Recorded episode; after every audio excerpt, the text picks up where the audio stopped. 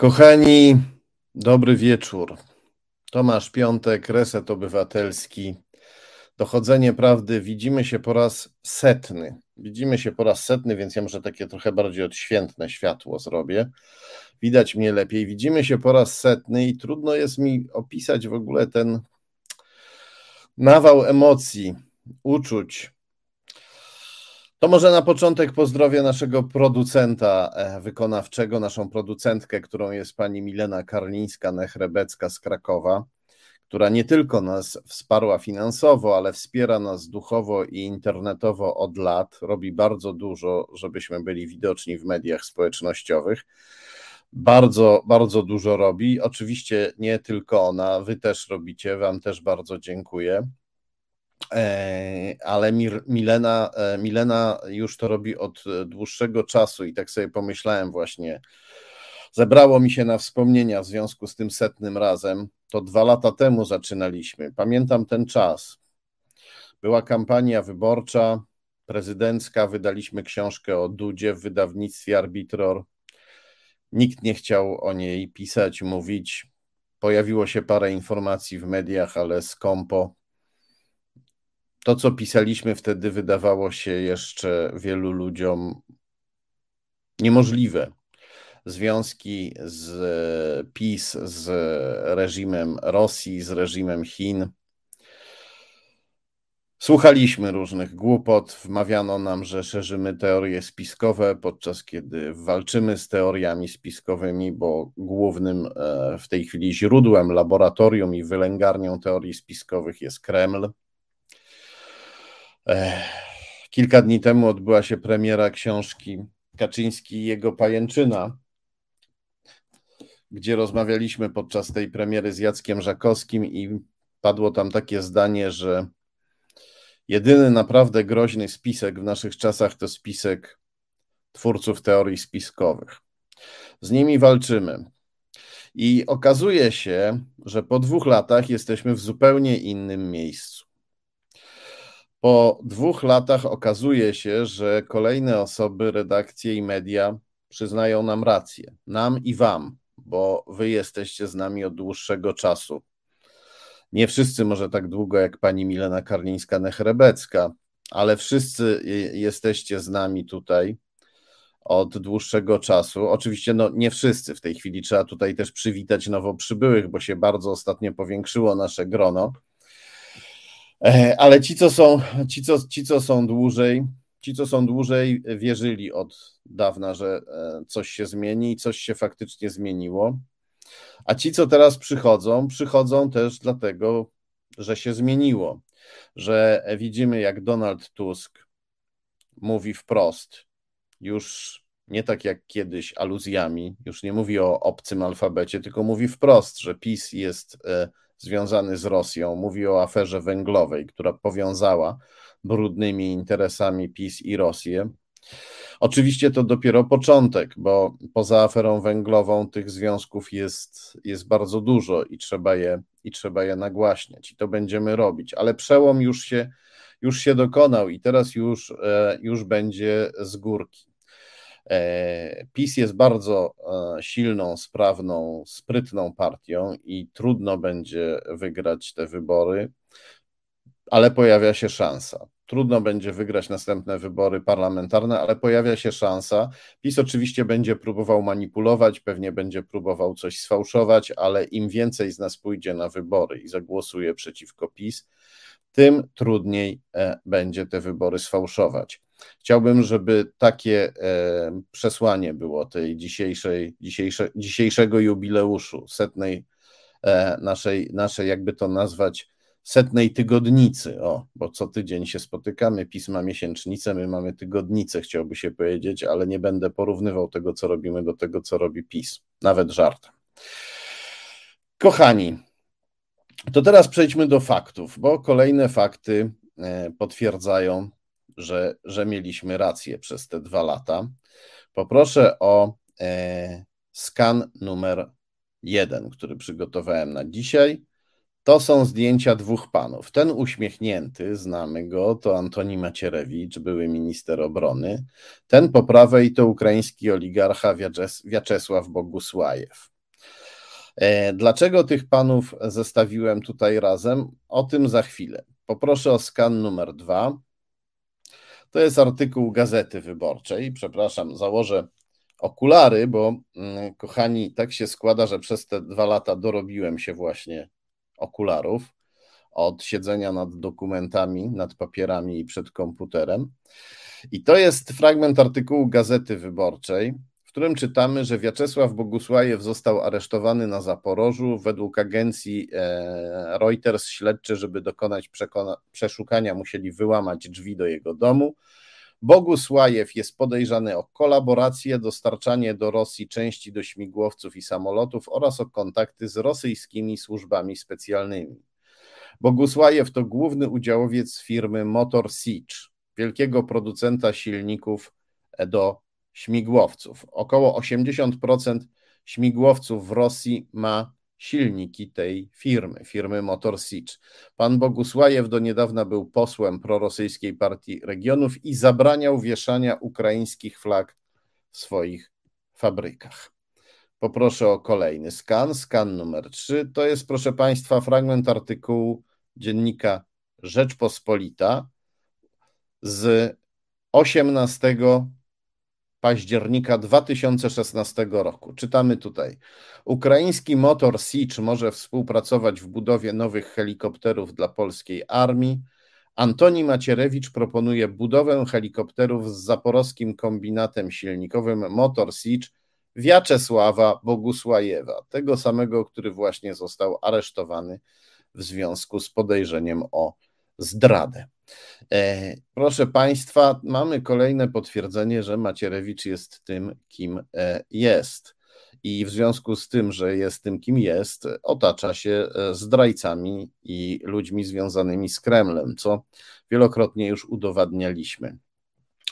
Jak to się stało, że Macierewicz tego diabelskiego, chciałoby się powiedzieć, planu nie doprowadził do końca? Mówię diabelskiego, bo zagrażało nam, że, e, że nasza armia będzie zależna od kolaboranta Rosji, że rosyjski kolaborant będzie odpowiedzialny za dostarczanie silników do śmigłowców sił specjalnych naszej armii. Do tego na szczęście nie doszło. A dlaczego? Poproszę o skanę numer 4.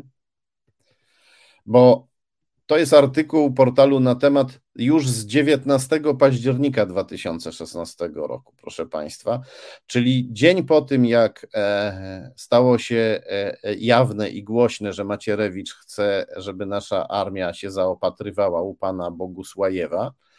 E, polskie media, włącznie z takim dość lekkim portalem komentatorskim jak na temat, polskie media liczne polskie media zgodnym chórem e, zaczęły przed tym przestrzegać, ponieważ wtedy jeszcze kolaboracja pana Bogusłajewa ze służbami Kremla nie była tak powszechnie znanym tematem, ale już wtedy wiadomo było, że e, pan Bogusłajew gospodarczo intensywnie współpracuje z Rosją i tutaj e, redaktor Paweł Kalisz z portalu na temat dał taki nagłówek. Oto z kim Macierewicz chce budować śmigłowce. Ukraińska Motor Siege pracuje e, dla Rosji.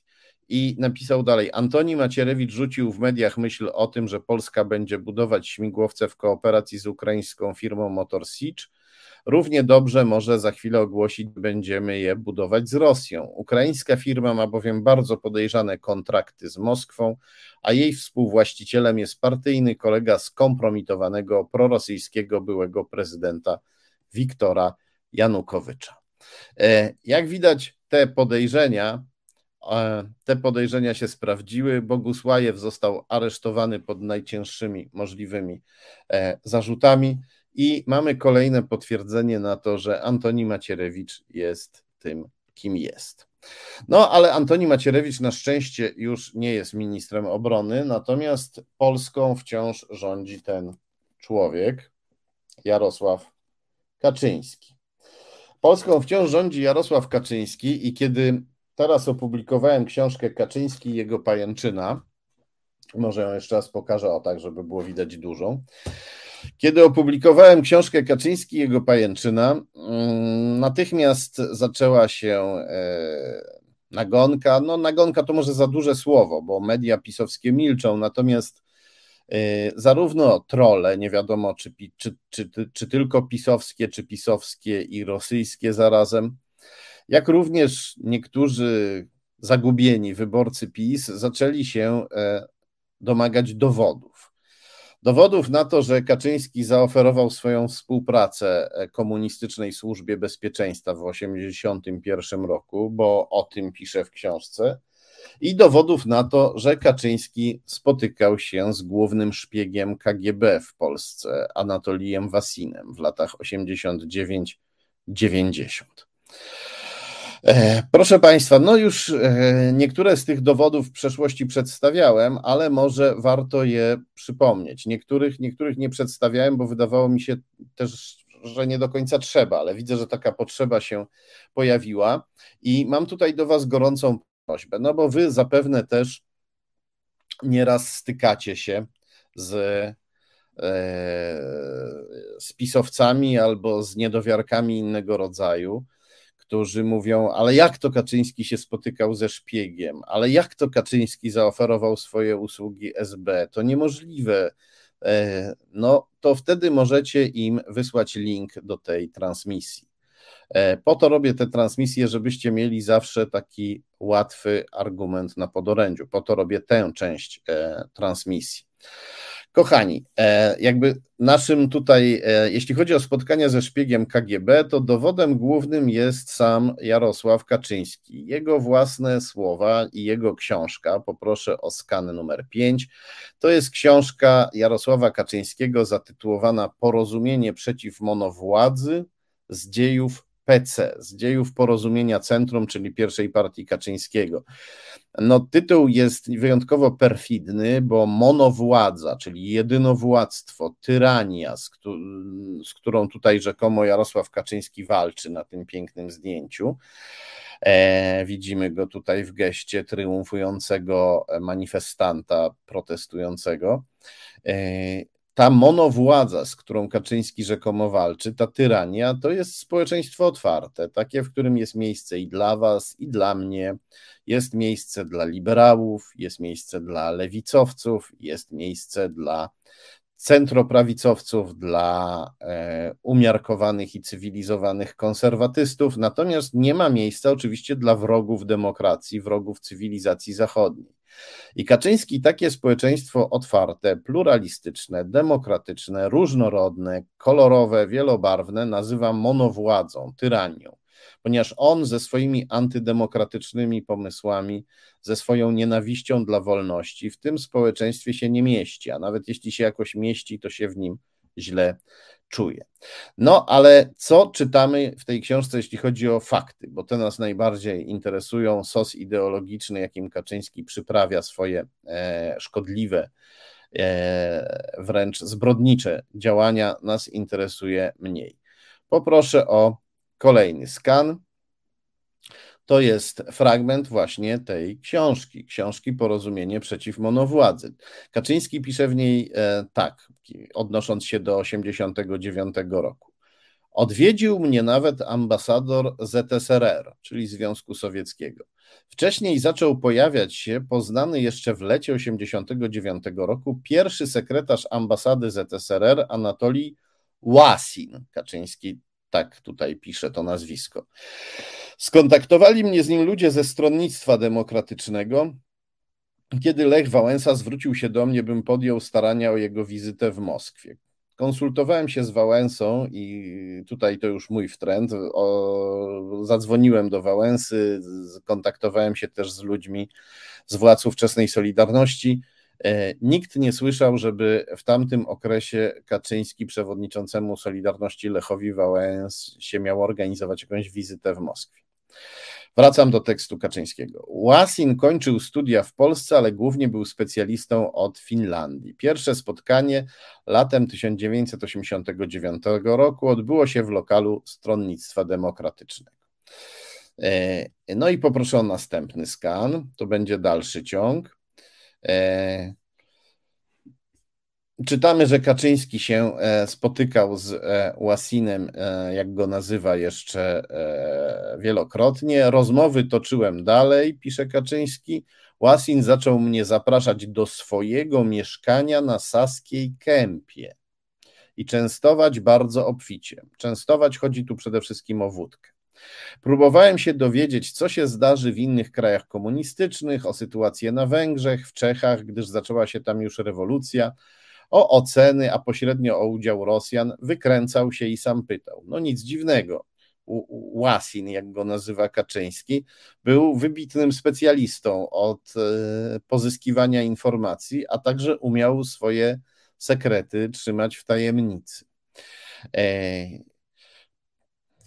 Pomyślałem, że rozmawiam chyba z kimś ważniejszym niż sądziłem, pisze dalej Kaczyński. Później w jednej z rozmów potwierdził to Józef Czyrek, minister stanu jaruzelskiego, przedtem ważny polityk PZPR. I poproszę o jeszcze jeden e, skan, dalszy ciąg tego samego fragmentu z książki Porozumienie przeciw monowładzy. To będzie tym razem skan numer 8. Kolejny e, fragment opowieści Kaczyńskiego o Łasinie. O, coś tutaj nam się chyba zacięło, no ale nie może być jubileuszowej audycji bez E, bez drobnych usterek. Coś nam się chyba tutaj zacięło, bo nie widzę, żeby pojawiał się kolejny skan.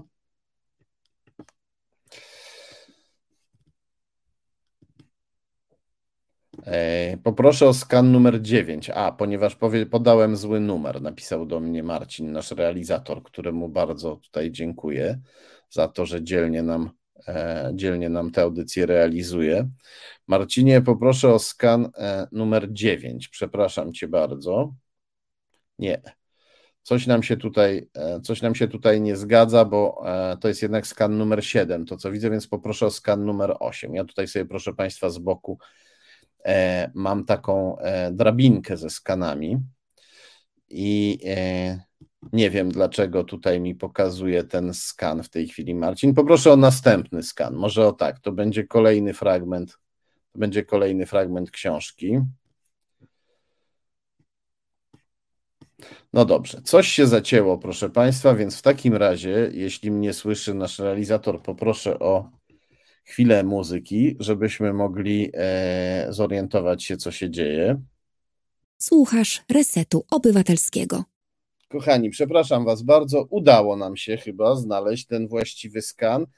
E, to jest e, skan numer 8. E, tak, teraz go widzimy. I tutaj czytamy, że Kaczyński opowiada nam jeszcze o swoim e, przyjacielu Łasinie, jak go nazywa.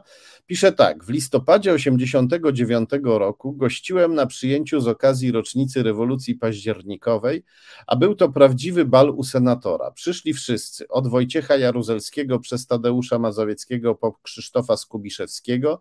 Zauważyłem, że rosyjski ambasador wbudzi wśród personelu ogromny respekt, by nie powiedzieć lęk ale jednego człowieka to wyraźnie nie dotyczyło i był nim właśnie Łasin. Uciąłem te kontakty, gdy zostałem szefem kancelarii prezydenta, jednocześnie przekazałem wszystkie informacje Andrzejowi Milczanowskiemu. To e, ważne, co tutaj pisze Kaczyński na końcu, ponieważ Kaczyński został szefem kancelarii prezydenta w grudniu 90 roku, Łasina, jak go nazywa poznał e, półtora roku wcześniej, w lecie 89 roku. Przez półtora roku z nim rozmawiał i pił wódkę i wymieniał informacje oraz poglądy, a potem wyspowiadał się z tego e, Andrzejowi Milczanowskiemu, który był szefem Urzędu Ochrony Państwa, czyli służb specjalnych ówczesnej Polski, odpowiadał za e, kontrwywiad. Tak twierdzi Jarosław Kaczyński. No i niestety tak się składa, że Andrzej Milczanowski tego nie potwierdza. Poproszę o skan numer 9. To jest wypowiedź Andrzeja Milczanowskiego e, dla Newsweeka e, e, i Milczanowski powiedział Newsweekowi tak, zapytany o te kwestie. Z całą odpowiedzialnością stwierdzam, że Jarosław Kaczyński nigdy nie mówił mi o swoich spotkaniach z jakimkolwiek przedstawicielem czy pracownikiem sowieckiej ambasady. Nigdy też nie ostrzegał mnie przed Janajewem. W mojej obecności nigdy nie przewidywał puczu w Rosji. Opowiada nieprawdę. Może pan opublikować moje, e, moje słowa. No więc to jest bardzo niepokojące, że Kaczyński spotyka się z wpływowym Rosjaninem z ambasady sowieckiej i twierdzi, że później się wyspowiadał z tego polskiemu kontrwywiadowi, a kontrwywiad temu zaprzecza. Same spotkania są niepokojące, a kłamstwo jeszcze, jeszcze bardziej niepokojące. E, to, że Kaczyński tutaj rozmija się z prawdą, potwierdziłem także na inne sposoby. E, Łasin, jak go nazywa Kaczyński, miał Kaczyńskiemu jednak dostarczyć cennych informacji, które on powinien był przekazać prezydentowi Wałęsie. Nie przekazał ich prezydentowi Wałęsy, co wiem od samego prezydenta, prezydenta Lecha Wałęsy, z którym rozmawiałem. No dobrze, ale kim dokładnie był ten Rosjanin, z którym Kaczyński się spotykał? Kim był tak zwany Łasin? Poproszę o kolejny skan. To jest e, fragment e, listy członków Korpusu Dyplomatycznego z marca 1990 roku. Ten dokument jest pisany w języku dyplomacji, czyli po francusku, i czytamy, że pan Anatolii Wassin, pisany po francusku Wassin, jest e, pierwszym sekretarzem ambasady sowieckiej przy ulicy Belwederskiej 49, bo mieściła się rzecz jasna tam, gdzie dziś mieści się ambasada, ambasada e, Rosji. Więc nie Łasin, tylko e, Wasin. Nie Łasin, tylko Wasin. Kaczyński tutaj zniekształcił nazwisko swojego rozmówcy. No dobrze, kiedy znamy już nazwisko, to możemy dowiedzieć się, co ten człowiek robił w swoim życiu. Poproszę o kolejny skan. To są fragmenty dwóch artykułów portalu Euromaidan Press i portalu Upnorth, e, w których e, to są fragmenty artykułów, w których jest mowa o Wasinie, e, o Wasinie jako o człowieku, który wciągał do, który, który, który po prostu prowadził agentów w Finlandii. Jak Kaczyński wspominał, że Wasin wcześniej, zanim trafił do do Polski działał w Finlandii i w artykułach w prasie fińskiej i nie tylko czytamy, że Wasin był e, po prostu szpiegiem, był wywiadowcą KGB, który tworzył e, w Finlandii sieci wpływu, nie tylko polityczne, także biznesowe. Tutaj czytamy, że Jak Kolakso, fiński komunista, był kontaktował się z kagiebistą Anatolijem Wasinem, czyli z naszym bohaterem, i e, przekazał Wasinowi e, młodego, obiecującego fińskiego polityka Esko Aho, który później został e, premierem Finlandii, a w 2016 roku trafił do Rady Nadzorczej do Rady Nadzorczej rosyjskiego Sbierbanku. Jak widać, te sieci wpływu które stworzył pan Wasin, przetrwały do dzisiaj w Finlandii, skoro Esko Acho, jak widać, do naszych czasów jest związany z Rosją. I wypada więc e, zapytać, czy sieci wpływu, które pan Wasin tworzył w Polsce, również są czynne do dziś. No, e, a jak wiemy, jednym z najważniejszych polskich polityków, z którymi Wasin się spotykał, i to w okolicznościach bardzo poufałych, był Jarosław E, Kaczyński. Poproszę o kolejny skan. To jest e, pismo, które dostałem od e, dziennikarza szwedzkiego Joachima von Brauna, który zgłębiał, który zna doskonale tajniki, z różnych przyczyn zna doskonale tajniki skandynawskich służb specjalnych. I Joachim von e, Braun, e, no dziennikarz to mało powiedziane, to ekspert jest wysokiej klasy, napisał mi, że e, Anatolii Akimowicz-Wasin urodził się w 1938 roku, że w latach 71-76 pracował w Finlandii, a potem wrócił w 77 i, i służył tam do 85 roku. I taki powrót szybki, bo wyjechał w 76, a wrócił w 77, to oznacza, że miał sukcesy w rekrutowaniu agentów wśród Finów i że uznano po roku jego nieobecności, że to on powinien tych agentów prowadzić i wrócić, żeby ich tam w Finlandii prowadzić, bo taki ma dobry z nimi kontakt i tacy ważni są to, są to agenci.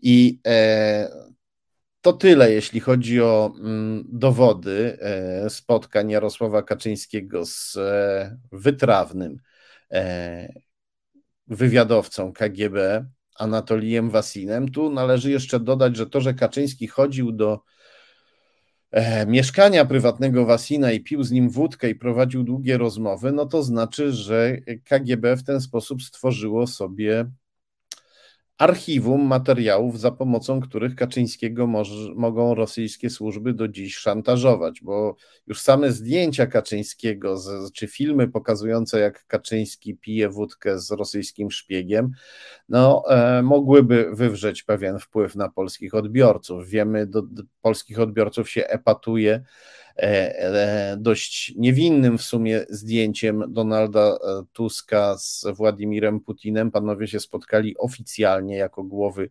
państw, a Putin wtedy jeszcze, no wiadomo było, że jest typem spod ciemnej gwiazdy, ale jeszcze wtedy nie, nie napadł na, na Ukrainę i wtedy jeszcze starano się z Rosją jakieś choćby częściowo, względnie normalne stosunki dyplomatyczne zachowywać, to był oczywiście błąd, ale nie jest, e, ja uważam, że z Putinem się w żadnych okolicznościach nie należy spotykać.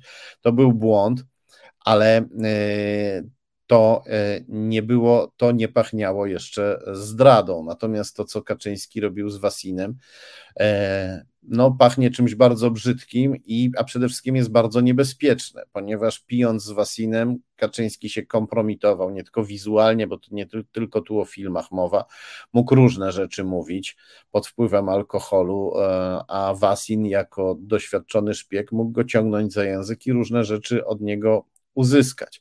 I Kaczyński na pewno się tego boi. Na pewno to prywatne mieszkanie Wasina było okablowane, i zaopatrzone w mikrofony oraz, oraz kamery. No dobrze, to teraz przejdźmy do drugiej rzeczy, o którą pytają pisowcy i o którą mogą Was pytać.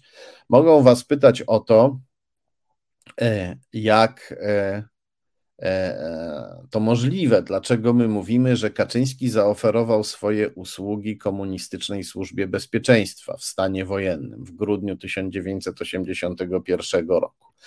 No i odpowiedź na to jest prosta. Znowu musimy sięgnąć do książki Porozumienie przeciw monowładzy Jarosława Kaczyńskiego. Tak, nasz dzielny realizator Marcin już nam pokazał kolejny skan.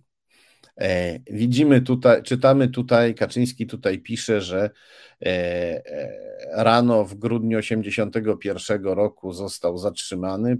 Mówi o SB-kach. Przyszli do mnie jeszcze przed szóstą rano i zabrali do MSW. Funkcjonariusz przedstawi przedstawiający się jako Kowalski, po latach dowiedziałem się, że naprawdę nazywał się Igielniak, zaczął mnie przesłuchiwać. Właściwie była to zwykła rozmowa. Nie był agresywny, choć chwilami nieco straszył. Na koniec zaproponował podpisanie lojalki, czyli deklaracji lojalności wobec reżimu. Odmówiłem.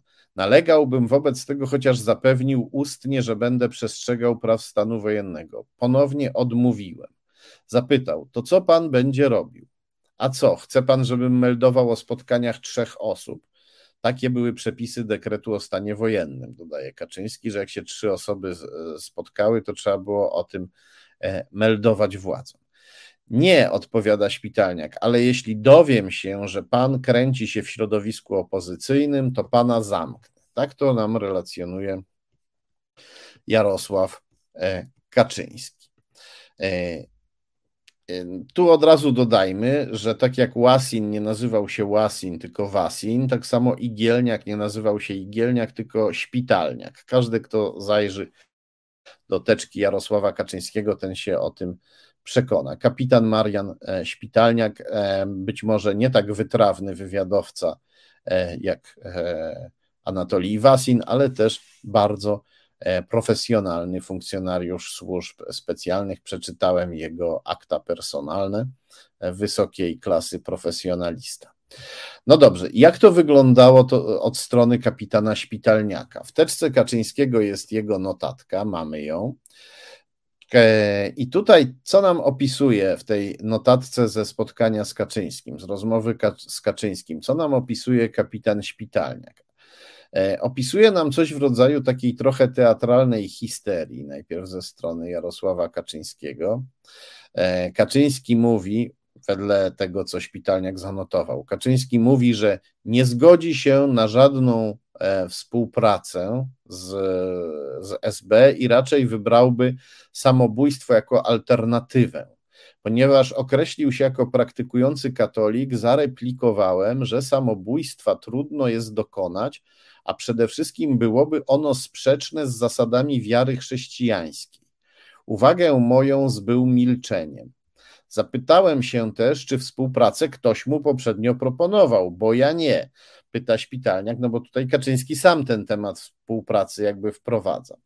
Kaczyński e, na to odpowiada dość sensownie, akurat przez chwilę.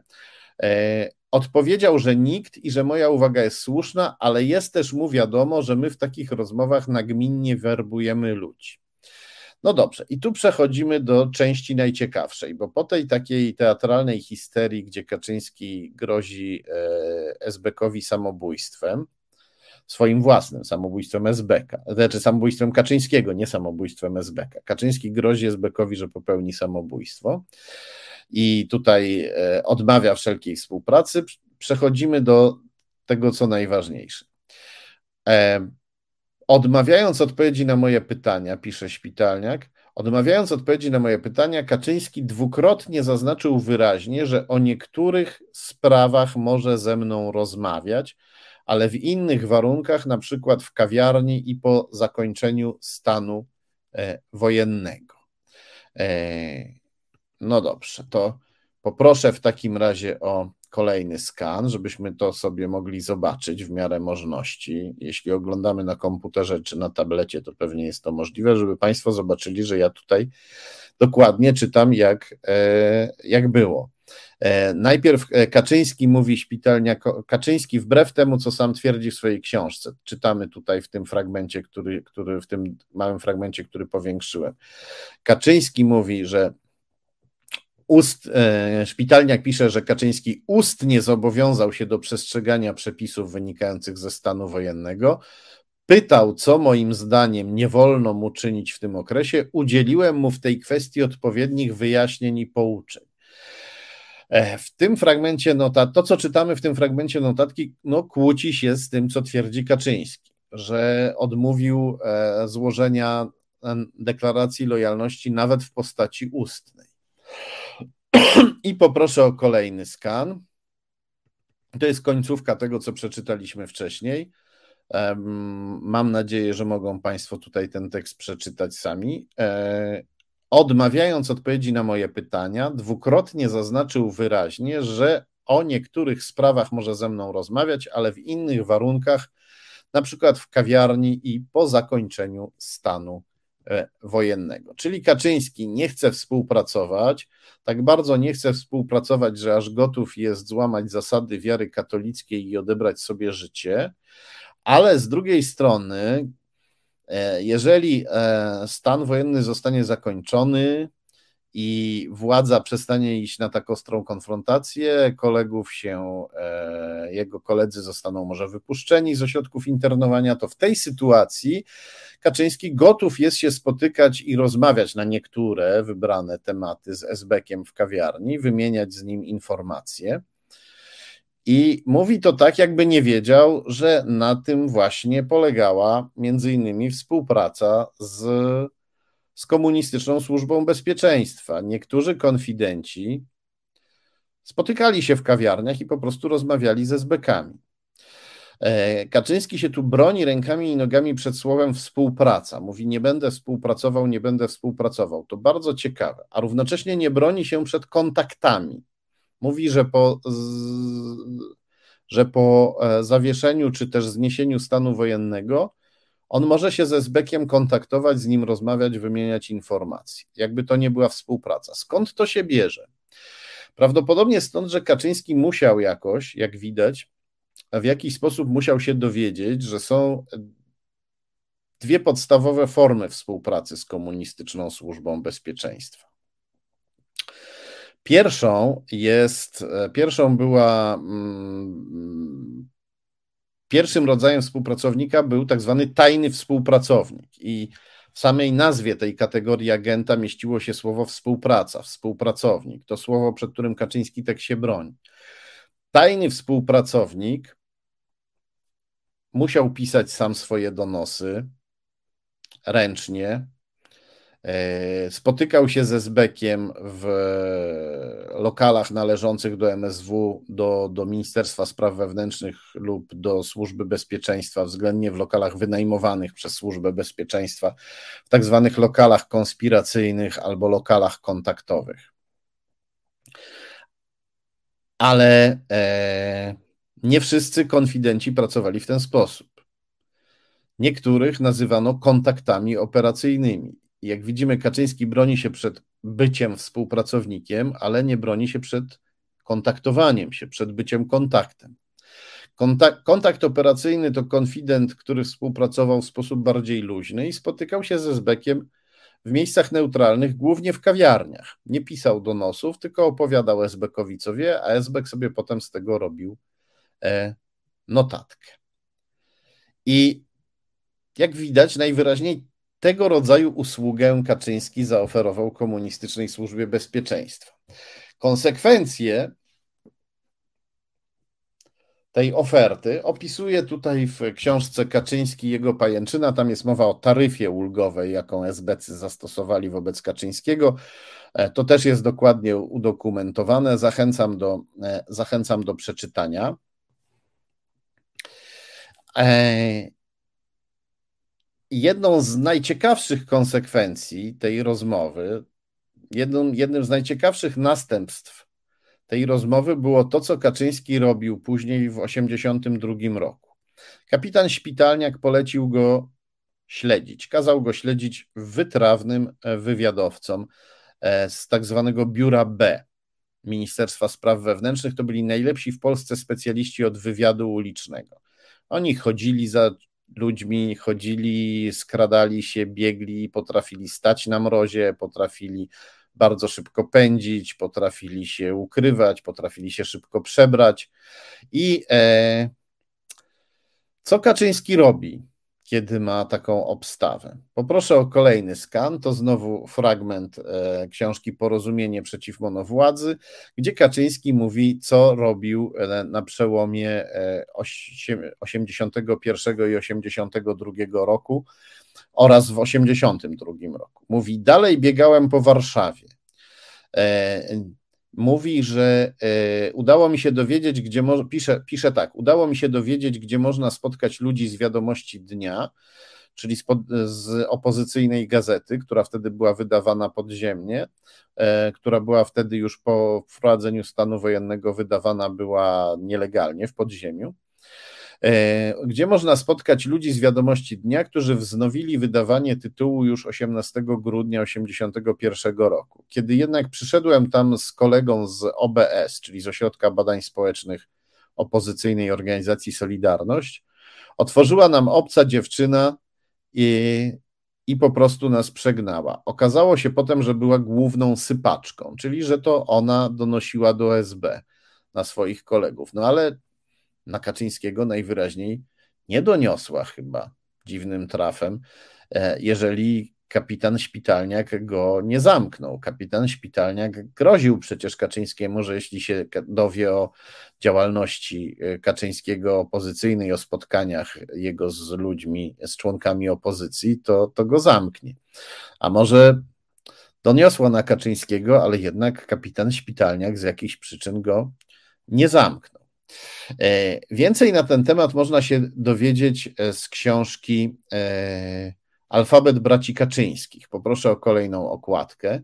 Książkę, książka to jest rozmowa z braćmi Kaczyńskimi. Rozmawiają z nimi dwaj pisowscy propagandziści, Michał Karnowski i Piotr Zaręba. I no, w tej książce Jarosław Kaczyński opisuje rok 82 w sposób następujący. Poproszę o kolejny skan. Dużo wtedy biegałem ze spotkania na spotkanie w sprawach opozycyjnych, ważnych, mniej, a czasem i bez powodu. I chociaż od 19 roku miałem skłonności do tycia, to w tym czasie mocno schudłem. No cóż, pozazdrościć powiem. Na pewno Kaczyński był wtedy w lepszej formie fizycznej niż dziś, ale na pewno też nie był w lepszej formie fizycznej niż wytrenowani i doświadczeni wywiadowcy, którzy za nim chodzili.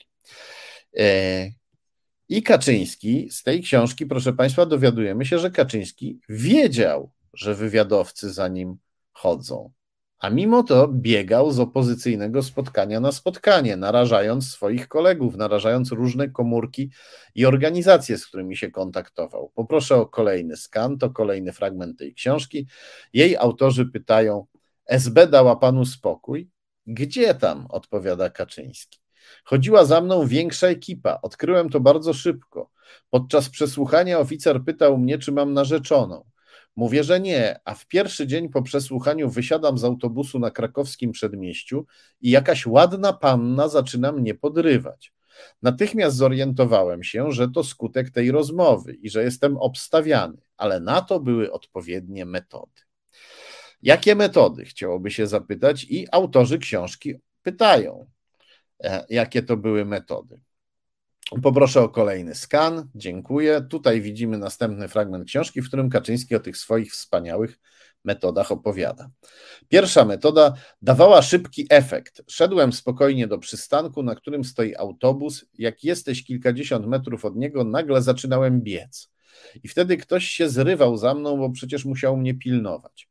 Druga metoda stosowana przeze mnie wymagała dużo więcej wysiłku i samozaparcia, ale miała też swoje zalety duchowe. Wchodziłem do kościoła, z którego jest kilka wyjść. Klękałem i się modliłem. SBcy wytrzymywali maksymalnie 10 minut, potem wychodzili do samochodu stojącego zazwyczaj przy kościele. Gdy wychodziłem, widziałem ich w pełnej krasie, ale podsumowując, pilnowali mnie uważnie i intensywnie. Czasem, żeby się urwać, trzeba było po prostu uciekać ulicami i to długo. No proszę Państwa, Kaczyński raczej miał małe szanse, żeby uciec szybko biegaczom z biura B e, Ministerstwa Spraw Wewnętrznych. E, jeśli chodzi o autobus, no to wywiadowcy SBC prawdopodobnie pękali ze śmiechu, kiedy Kaczyński się zrywał i e, biegł do autobusu, ponieważ to jest takie abecadło wywiadu ulicznego, że jeden wywiadowca idzie za człowiekiem, a drugi idzie przed człowiekiem i jak widzi autobus, do którego e, śledzony mógłby wskoczyć, to ma oko na ten autobus.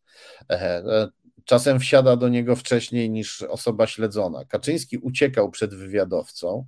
Ten wywiadowca z tyłu odgrywał teatr, że biegnie za Kaczyńskim, ale nie może go dopędzić. Kaczyński wsiadał do autobusu i cieszył się, że zgubił wywiadowcę, pewnie dwa siedzenia dalej siedział kolejny wywiadowca. Opowieść o E, kościele jest absurdalna. Znaczy, SBcy nie byli e, diabełkami z ludowych bajek, które boją się wody święconej. E, jeśli nawet jeden z nich czy dwóch wychodził z kościoła, to w środku siedział trzeci po to, żeby Kaczyński właśnie myślał, że tamci się zmęczyli. Ale tutaj najprawdopodobniej Kaczyński opowiada nam czyste bajki, bo ta opowieść o SB-kach, którzy mają rozkaz służbowy śledzić człowieka, ale tak nie lubią e, zapachu kadzidła i wody święconej, że odpuszczają sobie śledzonego e, delikwenta i uciekają z kościoła, tylko żeby nie czuć tych strasznych, świętych zapachów. No to jest opowieść, którą mógłby nam zaserwować pan Zagłoba w książkach e, Henryka Sienkiewicza, e, a i tak słuchacze pana Zagłoby też pewnie by nie, nie do końca by mu w taką opowieść uwierzyli. Jaki z tego wniosek? Wniosek jest prosty. Kaczyński chodził po Warszawie, wiedział, że chodzą za nim SBcy, a mimo to chodził po tej Warszawie ze spotkania na spotkanie, z podziemnego zebrania na inne podziemne zebranie, od jednej podziemnej organizacji komórki do drugiej, e, narażając tych wszystkich e, ludzi, te wszystkie środowiska, te wszystkie komórki organizacje na e, dekonspirację, na rozpoznanie przez SB. Nie musiał pisać donosów, może nawet nie musiał się w tej kawiarni z kapitanem Śpitalniakiem e, spotykać, bo gdy tak chodził po Warszawie, sam był jednym wielkim chodzącym donosem. I to tyle, jeśli chodzi o dowody. Jak widać, najwięcej e, dowodów przeciwko samemu sobie tutaj dostarcza Jarosław Kaczyński, aczkolwiek oczywiście e, źródeł fińskich e, i szwedzkich w przypadku Joachima von Brauna oraz e, akt IPN, wśród których jest teczka Jarosława Kaczyńskiego, nie można lekceważyć. Tu od razu dodam, że to jest autentyczna teczka Jarosława Kaczyńskiego, bo E, z lat 90. niektórzy z nas pamiętają, że Jarosławowi Kaczyńskiemu teczkę e, sfałszowano. O tym też piszę w tej książce, o bardzo ciekawej operacji, jaką było to sfałszowanie teczki, dzięki czemu Jarosław Kaczyński wyszedł na męczennika i wroga SB-ków, którym nie był. Ale oprócz sfałszowanej teczki jest też prawdziwa teczka Jarosława Kaczyńskiego, uznana za autentyczną przez IPN, uznana za autentyczną i wiarygodną przez e, niezawisły sąd w wolnej, e, w wolnej Polsce, o czym piszę w tej książce. I w tej teczce jest właśnie notatka kapitana Śpitalniaka, która Jarosława Kaczyńskiego e, w sposób jednoznaczny obciąża.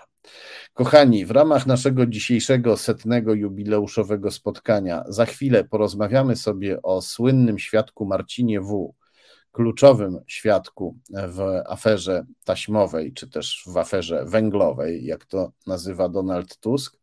Ale po to, żebyśmy mogli przetrawić to, co usłyszeliśmy, poproszę naszego dzielnego realizatora Marcina o chwilę muzyki. Reset Obywatelski nie boi się trudnych pytań, dlatego warto nas wspierać. Zrób to tak, jak lubisz. Przelew, zrzutka, patronite lub przez naszą stronę resetobywatelski.pl. Reset Obywatelski, Dochodzenie Prawdy, zdejmę na chwilę te okulary. E, Tomasz Piątek, bardzo serdecznie Was pozdrawiam w naszym jubileuszowym, setnym e, odcinku. Przechodzimy teraz do sprawy Marcina W., słynnego świadka w aferze taśmowej, w aferze węglowej. Grzegorz Rzeczkowski, którego dobrze znacie, na łamach Newsweeka ujawnił zeznania Marcina W., z 2021 roku. E, w tych zeznaniach mm, Marcin W. mówi, że 6 e, lat wcześniej Marek Falenta przed wybuchem afery taśmowej, przed udostępnieniem e, nie, nagrań nielegalnie, nielegalnie sporządzonych nagrań rozmów polityków, Marek Falenta przekazał te nagrania Rosjanom. I e, te zeznania są miażdżące dla PiS, bo świadczą o tym, że Rosjanie znali te nagrania, uczestniczyli w aferze taśmowej, zanim jeszcze nagrania zostały opublikowane. Nagrania te, e, publikacja nagrań, jak pamiętamy, zaszkodziła prozachodniej platformie obywatelskiej i e, pomogła zdobyć władzę antyzachodniej partii PiS z oczywistą korzyścią dla, dla Rosji. PiS zawsze mm, zaprzeczał temu, że to Rosjanie pomogli wygrać tej partii wybory, no ale jednak zeznania Marcina W. świadczą o czymś innym. Świadczą o tym, że Rosjanie w tej aferze uczestniczyli. I kiedy Grzegorz Rzeczkowski to ogłosił i kiedy przyłączył się e, Donald Tusk, który e, zażądał od PiS stworzenia niezależnej komisji śledczej, która wyjaśniłaby sprawę, wtedy pan prokurator Ziobro, jak królika z kapelusza, wyciągnął kolejne zeznania, wcześniejsze zresztą zeznania Marcina W., w których Marcin e, W mówi, że przekazał łapówkę w wysokości 600 tysięcy euro Michałowi Tuskowi, synowi Donalda Tuska, że te pieniądze zostały y, miały trafić do rąk samego Donalda, Donalda Tuska. No, dzisiaj już koledzy pana Ziobry y, przyznają publicznie, że to zeznanie było e, niewiarygodne.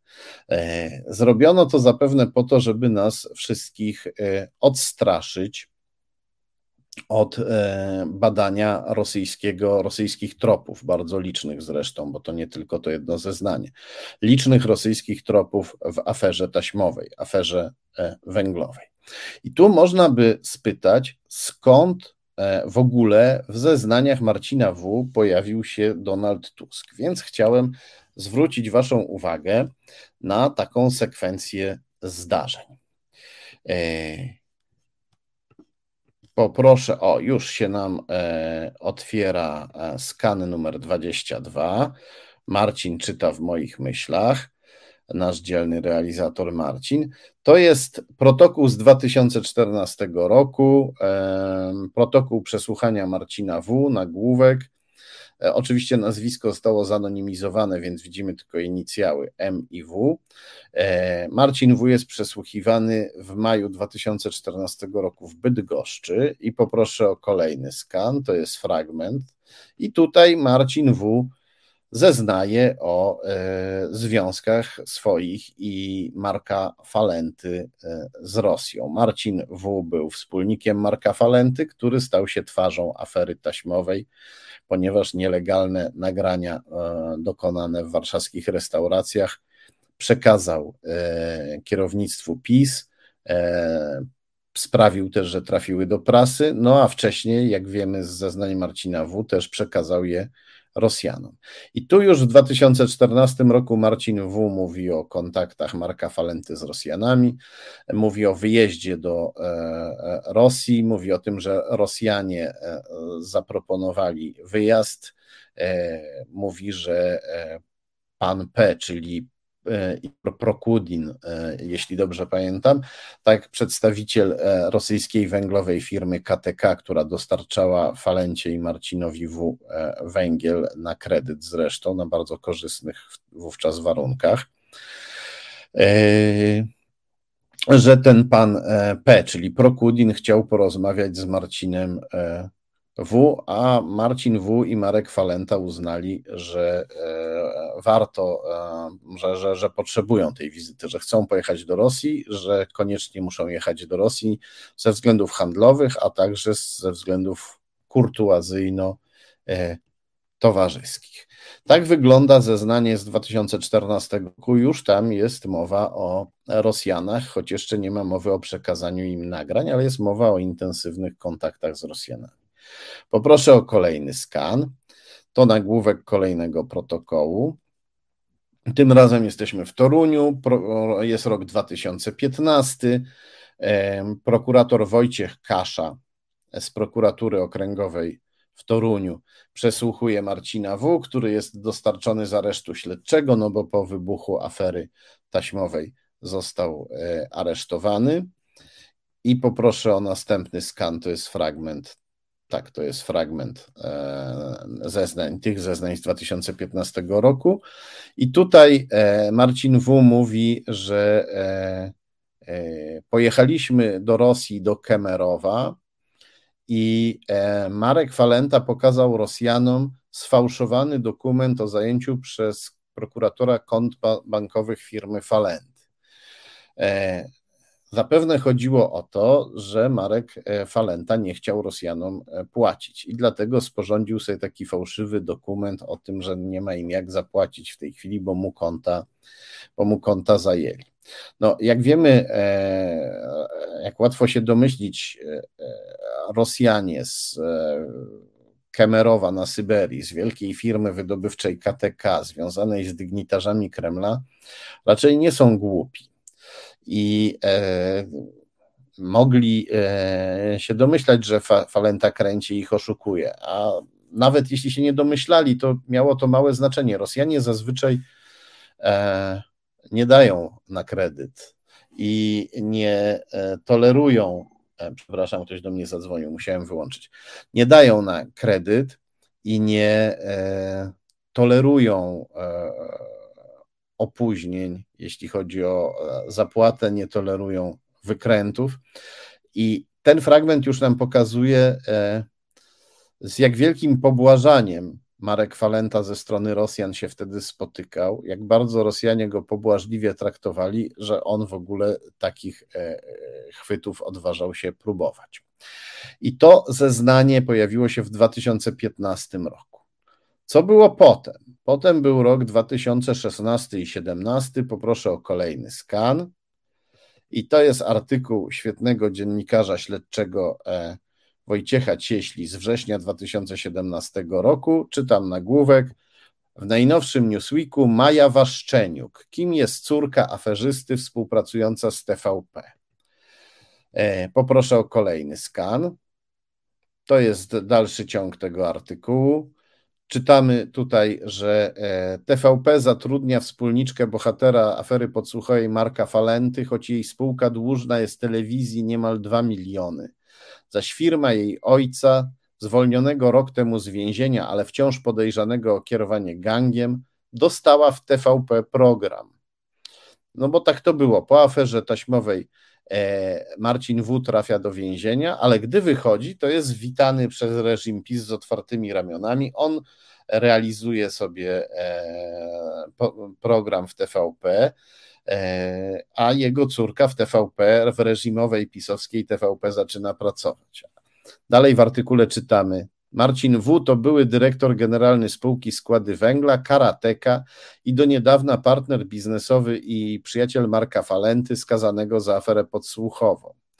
W dostał 18 zarzutów za kierowanie grupą przestępczą, która wyłudzała podatek VAT i wyprała około 80 milionów złotych. Grupa działała w składach węgla, w których Marek Falenta miał 40% udziałów. Pięć miesięcy po zatrzymaniu sąd odwiesił W dawny wyrok za wielomilionowe oszustwa i wysłał go do więzienia. 30 maja 2016 roku partner Falenty wyszedł na wolność i z miejsca zabrał się za nowy biznes. E, powstała spółka o nazwie Ekometras, i której właścicielką została kuzynka e, Marcina W., pani Anna Mączka. I poproszę o następny skan, dalszy ciąg tego artykułu. E, w 2016 roku, już, po już kilka miesięcy po swoim wyjściu z więzienia, W zaczyna się pojawiać w machu TVP na Woronicza. Prowadzi negocjacje w sprawie produkowanego przez Ekometras, czyli e, firmę zarejestrowaną przez jego kuzynkę. Prowadzi negocjacje w sprawie produkowanego przez Ekometra z programu eSport Planet o grach komputerowych i nowych technologiach. W styczniu 2017 roku TVP kupuje prawa do 24 odcinków cyklu. Program pojawia się w TVP3 i w TVP Sport.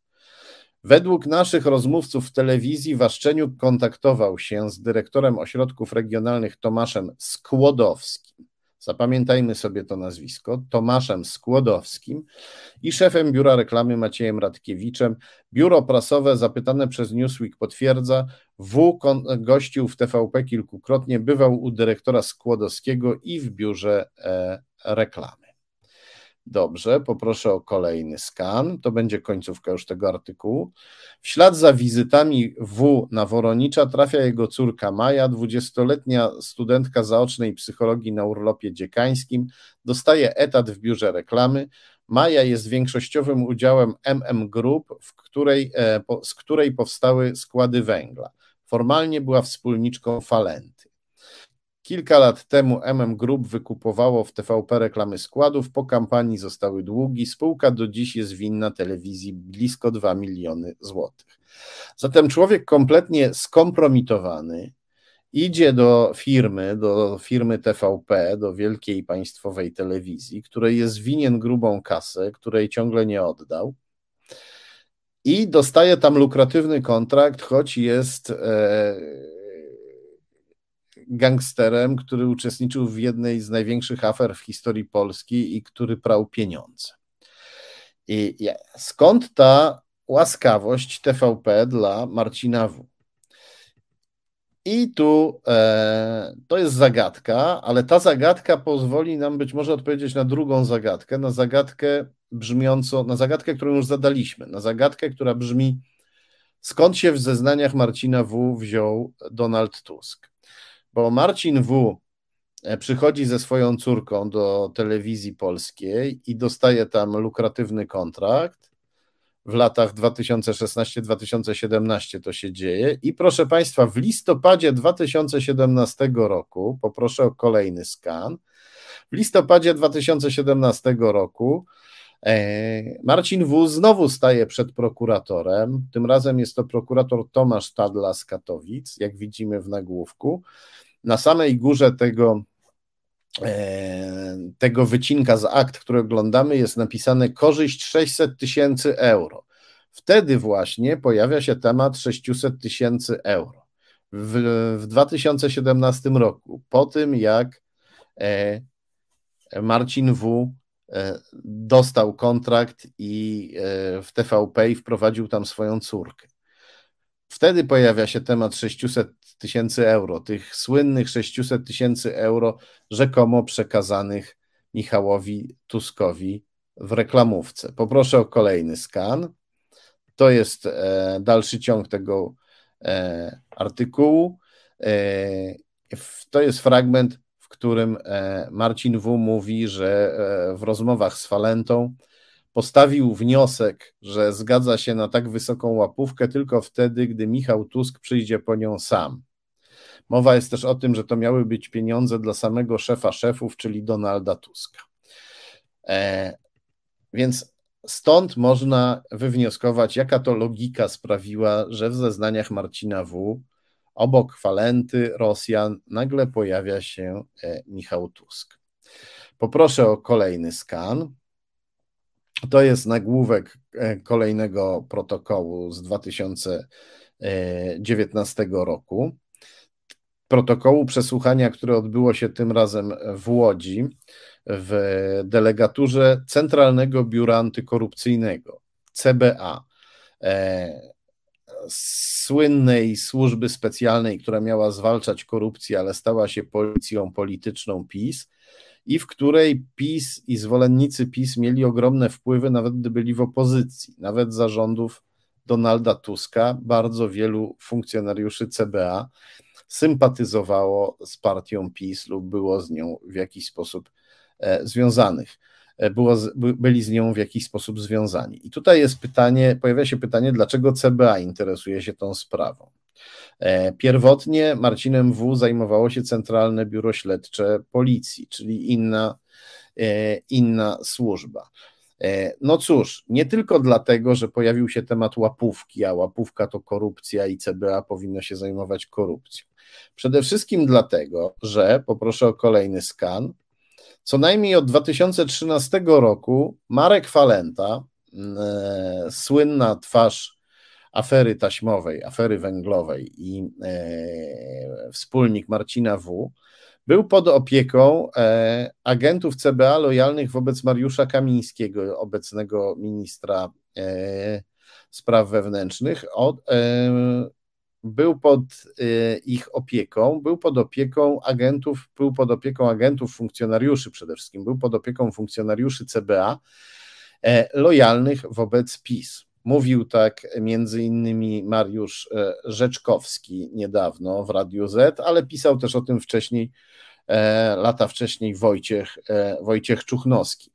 To jest dosyć niezwykłe, to jest bardzo niezwykłe, że Falenta robiąc te swoje, wchodząc w układ z Rosjanami, operując nielegalnymi nagraniami, działając na korzyść Rosji i przeciwko interesowi Polski oraz całego Zachodu, był równocześnie pod ochroną e, pisowskich funkcjonariuszy e, CBA. To dlatego Donald Tusk mówił o udziale również polskich, nie tylko rosyjskich służb e, w aferze węglowej. No dobrze, to teraz, kiedy wiemy już to wszystko, możemy wrócić do pana Tomasza Skłodowskiego, który uczestniczył w przyznaniu Marcinowi W. lukratywnego kontraktu w telewizji polskiej. Lukratywnego kontraktu, który prawdopodobnie jakoś wiąże się z tym, że w zeznaniach Marcina W. nagle pojawił się Donald Tusk i 600 tysięcy euro w torbie z biedronki. Kim jest pan Tomasz Skłodowski, który e, najwyraźniej jakąś e, rolę w tej całej kombinacji odegrał, oferując Marcinowi W. E, korzyści w pisowskiej TVP? Poproszę o kolejny skan. Nie trzeba daleko szukać, wystarczy sięgnąć do e, wyszukiwarki Google, żeby się dowiedzieć, że Tomasz Skłodowski to pełnomocnik zarządu państwowej spółki Energa SA, oczywiście zdominowanej przez PiS, obecnie e, przejętej przez e, wielki pisowski kon, koncern paliwowy Orlen. E, poproszę o kolejny skan. Zobaczmy, co o sobie pan Tomasz Skłodowski mówi. E, w serwisie dla profesjonalistów LinkedIn. mówi, że odpowiada w Energa SA za komunikację, a wcześniej był e, dyrektorem, redaktorem naczelnym w TVP3 od 2016 e, roku. Czyli e, jak widać, to nam potwierdza, że chodzi o tego samego Tomasza Skłodowskiego. Najpierw był w TVP, a potem poszedł do Energii. A co robił wcześniej? Poproszę o kolejny skan. Jeśli zjedziemy niżej na stronie Tomasza Skłodowskiego w serwisie LinkedIn, to przeczytamy, że zanim był w TVP, to był szefem zespołu reporterów w agencji informacyjnej Polska Press, a jeszcze wcześniej, na samym dole, że był rzecznikiem prasowym Ministerstwa Spraw Wewnętrznych w latach 2005-2007. E, zatem pan e, Skłodowski jakieś kontakty ze służbami specjalnymi PiS e, lub choćby z policją e, pod rządami PiS, pod pierwszymi rządami PiS w latach 2005-2007, jakieś takie kontakty musiał mieć. I być może nie przypadkiem pomógł Marcinowi W. w uzyskaniu e, lukratywnego kontraktu w TVP, po którym to e, kontrakcie Marcin W. pomógł służbom specjalnym PiS i prokuraturze e, w oczernianiu Donalda Tuska. Więc być może pan Skłodowski nie jest tutaj jakimś przypadkowym i naiwnym bohaterem tej afery. Zobaczmy, co pan Skłodowski robił, kiedy był rzecznikiem w MSW. E, poproszę o kolejny skan. E, jak wiadomo, no rzecznik musi bronić instytucji, którą reprezentuje, natomiast nie powinien kłamać. Tymczasem e, e, w mediach czytamy, że w, między innymi w dzienniku, czytamy w dzienniku Gazecie Prawnej, czytamy, że rzecznik MSWiA, Ministerstwa Spraw Wewnętrznych i Administracji, Tomasz Skłodowski, kłamał kłamał, żeby chronić jednego z dyrektorów e, Ministerstwa Spraw Wewnętrznych, niejakiego Tomasza Serafina. Twierdził, że Tomasz Serafin był w podróży służbowej za granicą, że był w Rumunii, podczas kiedy Tomasz Serafin w żadnej Rumunii nie był. Dlaczego pan Skłodowski kłamał? E, dlaczego chronił dyrektora Serafina? Chodzi o sprawę nie tylko brudną, ale bardzo tragiczną. Poproszę o kolejny skan. Chodzi o tak zwaną aferę Blue Taxi, jak to nazwano. E, Serafin, e, e, Tomasz Serafin e, miał taką przygodę, że e, w Andrzejki bawił się ze swoimi ministerialnymi e, podwładnymi, aż mu uciekł ostatni pociąg do Siedlec, gdzie mieszkał, bo bawił się w Warszawie w ministerstwie, a miał dom w Siedlcach. I e, komendant e, e, Waldemar e, Płoński e, zadzwonił i kazał do, do swoich podwładnych i kazał policjantom odwieźć dyrektora e, Serafina do domu do Siedlec. Policjanci e, no, pojechali z tą niezwykłą misją do Siedlec i do domu już nie wrócili. Poproszę o kolejny skan. E, poproszę o kolejny skan. Tu widzimy zdjęcie. E, sierżant Tomasz Twardo i starsza posterunkowa Justyna Zawadka Wsiedli do starego, wysłużonego poloneza na letnich i łysych oponach, odwieźli dyrektora pod jego dom, a potem wracając e, w kiepskie warunki pogodowe, śliska prawdopodobnie nawierzchnia, co w Andrzejki się często zdarza, e, zmęczeni, wracający z e, nocnej misji, której nie powinni byli wcale wykonywać, wpadli polonezem do do bagna i tak się, e, tak się można powiedzieć, skończyła ich e, kariera, skończyło się życie. A tymczasem pan Tomasz Skłodowski twierdził, że dyrektor Serafin nie ma żadnego udziału w tej aferze, że e, twierdził, że dyrektora nie ma i nie może odpowiedzieć na pytania, bo jest w Rumunii. Takie e, tajemnice próbował chronić pan Serafin. Na marginesie odnotujmy, poproszę o kolejny skan. E, takie tajemnice próbował chronić pan Skłodowski, przepraszam. Takie tajemnice próbował chronić pan Skłodowski, którego później odnajdujemy w aferze węglowej jako tego, który, e, jakby to powiedzieć, posypywał pieniędzmi e, Marcina W., głównego świadka w tej aferze, po czym e, ten świadek zaczął oczerniać Tuska. To dla przypomnienia.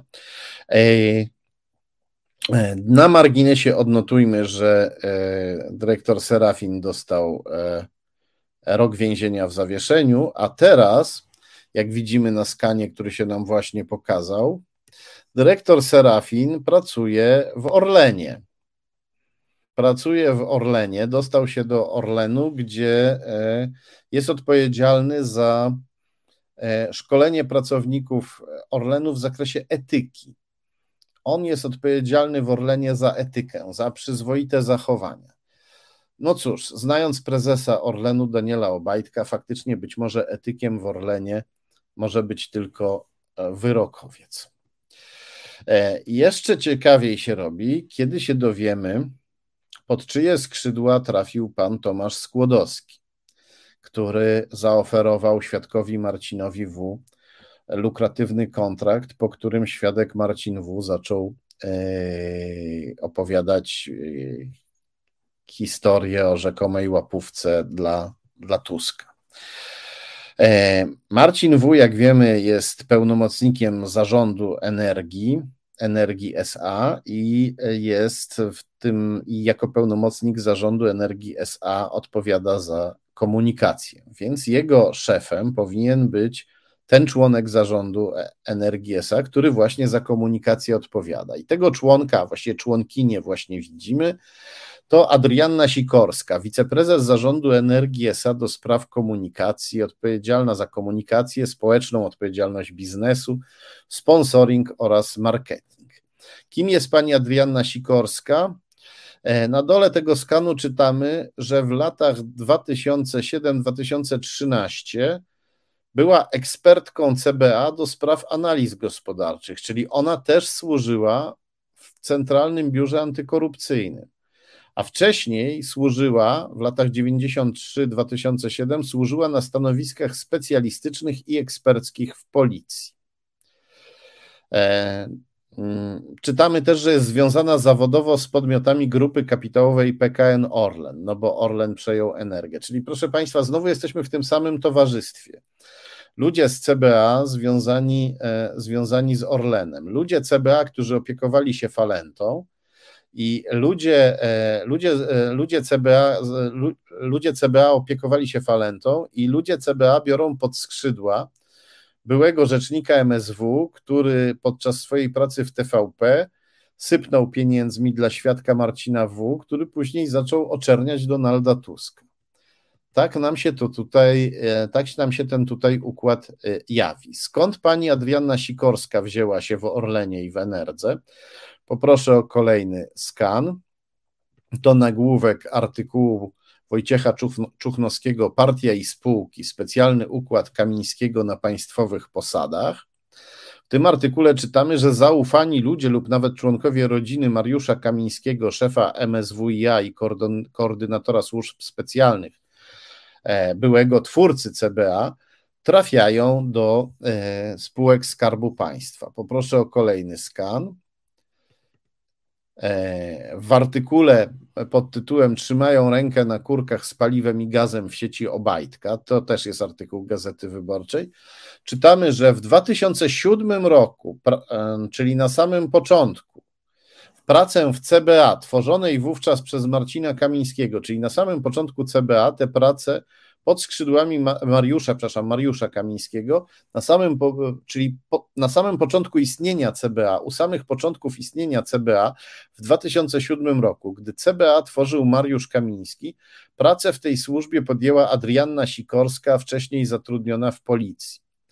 W Orlenie kierowanym przez Daniela Obajtka, to już w naszych czasach, została wiceszefową Biura Kontroli i Bezpieczeństwa oraz prezesem spółki Orlen Ochrona. Gdy pod koniec 2019 roku Daniel Obajtek ogłosił plan przejęcia energii przez Orlen, Adrianna Sikorska została powołana na wiceprezesa energii do spraw komunikacji. Czyli to była taka droga służbowa. Najpierw praca w, w CBA Mariusza Kamińskiego od samego początku, pod skrzydłami twórcy tej służby, służby, która stała się policją polityczną PiS, potem bardzo odpowiedzialne funkcje e, w Orlenie, wiceszefowa Biura Kontroli i Bezpieczeństwa, prezeska spółki Orlen Ochrona, a teraz Pani Sikorska przeszła do energii na stanowisko wiceprezesa do spraw, do spraw komunikacji. Sprawdziłem też, ile pani Adrianna Sikorska zarabia. Poproszę o kolejny skan. Proszę Państwa, 31 e, e, tysięcy złotych od 17 grudnia do e, końca roku. Przeczytałem w, jednych, w jednym z serwisów biznesowych. No, każdy z nas chyba chciałby tak e, zarabiać. Jedno z moich źródeł, podkreślam jedno, więc informacja nie jest pewna, ale jest to źródło bardzo dobrze poinformowane. To źródło powiedziało mi, że Adrianna Sikorska pochodzi z Siedlec i jest związana z rodziną Tchórzewskich, z rodziną e, ministra, byłego ministra energii Krzysztofa Tchórzewskiego. To bardzo interesująca informacja, ponieważ ta rodzina jest bardzo mocno związana z Rosją. E, minister Tchórzewski nie zrobił nic, żeby przeciwdziałać gigantycznemu importowi e, węgla z Rosji, a e, jego brat Artur Tchórzewski, poproszę tu o kolejny skan, jego brat Artur Tchórzewski posiada firmę AT Trading, czy też AT Trading, jeśli to czytać z angielska, która jeszcze niedawno na swojej stronie internetowej, jak widzimy, to jest fragment tej strony, jeszcze niedawno na swojej stronie internetowej chwaliła się e, e, związkami z Rosją. E, pisała: Dysponujemy już własnym magazynem w Moskwie i posiadamy tam biuro. Liczne doniesienia mówią o tym, że Artur Tchórzewski, brat ministra energii, handlował węglem rosyjskim. E, gdy posłanka Izabela Leszczyna próbowała uzyskać pytanie na odpowiedź, czy tak się dzieje, czy, czy to prawda, że brat ministra energii handluje rosyjskim węglem, żadnej odpowiedzi nie e, uzyskała i to milczenie jest no, co najmniej bardzo podejrzane. Spróbowałem jakoś e, potwierdzić informacje, mm, e, informacje e, mojego źródła i sprawdziłem Adriannę Sikorską w Instytucie Pamięci Narodowej. Poproszę o kolejny skan. I w archiwach IPN czytamy, że Adrianna Sikorska faktycznie urodziła się w Siedlcach. Wysłałem też pytania do Adrianny Sikorskiej z pytaniem o jej związki z rodziną Tchórzewskich. Wysłałem też ponaglenie. Do tej pory odpowiedzi na te, na te pytania nie, nie dostałem. Rzecz jasna, sprawdziłem też Adriannę Sikorską w Krajowym Rejestrze Sądowym. Poproszę o kolejny skan z serwisu Rejestr IO opartego na Krajowym Rejestrze Sądowym. I tutaj czytamy, że Adrianna Sikorska e, jest wiceprezesem zarządu do spraw komunikacji, e, była prezesem zarządu e, firmy Orlen Ochrona, nadzorowała fundację Orlen Dar Serca, ale czytamy także, że od 2004 roku do dziś jest prezeską firmy Kongres Center Polska. Patrząc na sprawozdania, ta firma, ta ostatnia firma nic e, nie robi i być może pani Adrianna jest e, prezeską tej firmy ciągle formalnie, no ale jednak powinna to chyba jakoś uporządkować. E, no dobrze, ale nawet jeśli teraz nie pracuje dla tej firmy, nie jest, nie jest de facto prezeską tej firmy, chociaż tak zostało w papierach, to w tej firmie zaczynała swoją karierę biznesową, więc zajrzałem do akt tej firmy, żeby się dowiedzieć o jej e, biznesowych początkach. E, I e, proszę bardzo, oto jest następny skan. I widzimy tutaj, że od 2004 roku Adrianna Sikorska była prezeską tej firmy razem ze Sławomirem Jarmocem, bo chyba tak trzeba czytać to nazwisko. Mamy do czynienia z Polakiem, aczkolwiek według Krajowego Rejestru Sądowego pan Sławomir Jarmoc nie jest polskim obywatelem. A drugim wspólnikiem w tej firmie był Andrzej Michał e, Machnikowski. E, I to e, mnie zainteresowało z kilku przyczyn. Również dlatego, że w życiorysie oficjalnym pani Adrianny Sikorskiej czytamy, że w latach 93-2007 zajmowała stanowiska specjalistyczne i eksperckie w policji. I tak się zastanawiam, jak to godziła z byciem prezeską prywatnej, komercyjnej spółki. No to jest dosyć niezwykłe. E, no ale przede wszystkim się przyjrzałem jej e, e, współpracownikom. Zacznijmy od pana Jarmoca. Poproszę o kolejny skan. To jest skan serwisu rejestr IO. E, widzimy tutaj informacje dotyczące spółki Petronowa e, z miasta Karlino. Jej wspólnikami są Andrzej Machnikowski i Sławomir Jarmoc. Spółka mieści, się, spółka mieści się w Karlinie. Spróbowałem się dowiedzieć więcej o tej spółce. I co ciekawe, poproszę o kolejny skan. W czeskim serwisie biznesowym protext.czy przeczytałem, że e, bardzo poważna firma Startek Environmental Corporation e, podpisała kontrakt z e, firmą Eco Group, amerykańską firmą Eco Group, Eco Group of America i z polską firmą Petronowa z Karlina. I czytamy, że jeśli chodzi o tę pierwszą amerykańską firmę Eco Group of America, jej szefem, jej prezesem jest Sławomir Jarmoc, ten sam, którego odnaleźliśmy e, jako e, wspólnika spółki, w której pani Sikorska była prezeską. No ale i to wygląda dość poważnie, bo Startek jest poważną firmą, a, a przynajmniej takie robił wtedy wrażenie. Gdyby nie to, że e, w internecie można znaleźć e, dokumenty, e, można znaleźć takie raporty wysyłane do mediów, pisane w języku hiszpańskim, dotyczące pana Sławomira Jarmoca. I poproszę tutaj o pierwszy skan. To jest pierwszy z tych, pierwszy fragment jednego z tych raportów.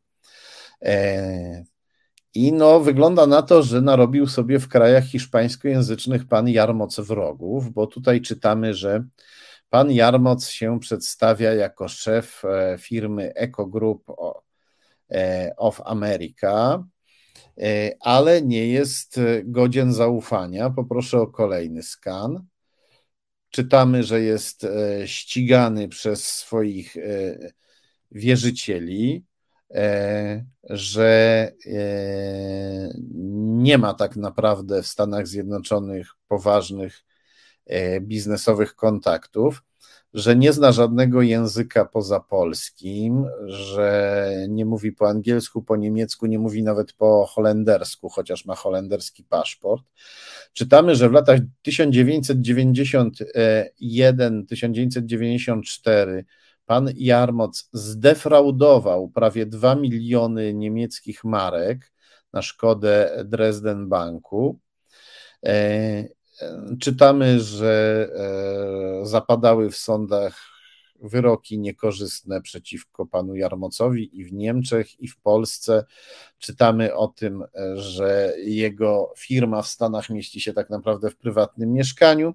I w internecie można też znaleźć dokument tej poważnej firmy Startek, o której wspominałem. Poproszę o kolejny skan w którym to firma odcina się od pana Jarmoca i jego, i jego firmy Eco Group of America i e, pisze e, firma Startek, że jej kontakty z, ze spółką pana Jarmoca należą do e, przeszłości. Sprawdziłem pana Jarmoca, czy też, jak nie wiem, jak go czytać, Jarmoka, Jarmoka, e, skoro działa w Stanach Zjednoczonych. Sprawdziłem pana Jarmoca, zostańmy przy polskiej wersji, również w Instytucie Pamięci Narodowej. Poproszę o kolejny skan. I jak widzimy, on tutaj figuruje jako osoba, która wyjechała z Polski a później e, do Polski przyjeżdżała, e, kontaktowała się z ludźmi przyjeżdżającymi do Polski w związku z działalnością e, handlową. Czyli to był człowiek, który, jak to się mówiło wtedy, był przedsiębiorcą polonijnym. Tak nazywano emigrantów, którzy mieli już zagraniczne paszporty, byli obywatelami zagranicznych państw i wracali do Polski, żeby tutaj robić biznesy. Oni faktycznie byli pod e, czujną, a niekiedy czułą opieką komunistycznej służby bezpieczeństwa, która też na nich chciała zarobić.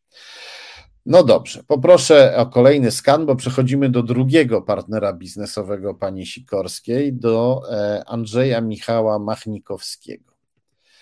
E, w Krajowym Rejestrze Sądowym że, czytamy, że pan Andrzej Michał Machnikowski robi teraz biznesy w Kraśniku pod Lublinem na Lubelszczyźnie i nic dziwnego, bo to jest chyba jego matecznik, ponieważ w internecie można też przeczytać, można znaleźć dokumenty i raporty.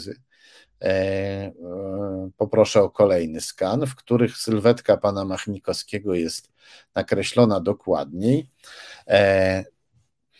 Czytamy, w jednym z nich czytamy o firmie Agrofar w Kraśniku założonej przez Andrzeja Machnikowskiego. Czytamy, że magister inżynier Andrzej Machnikowski e, ukończył Akademię Rolniczą w Lublinie, potem pracował na tej uczelni.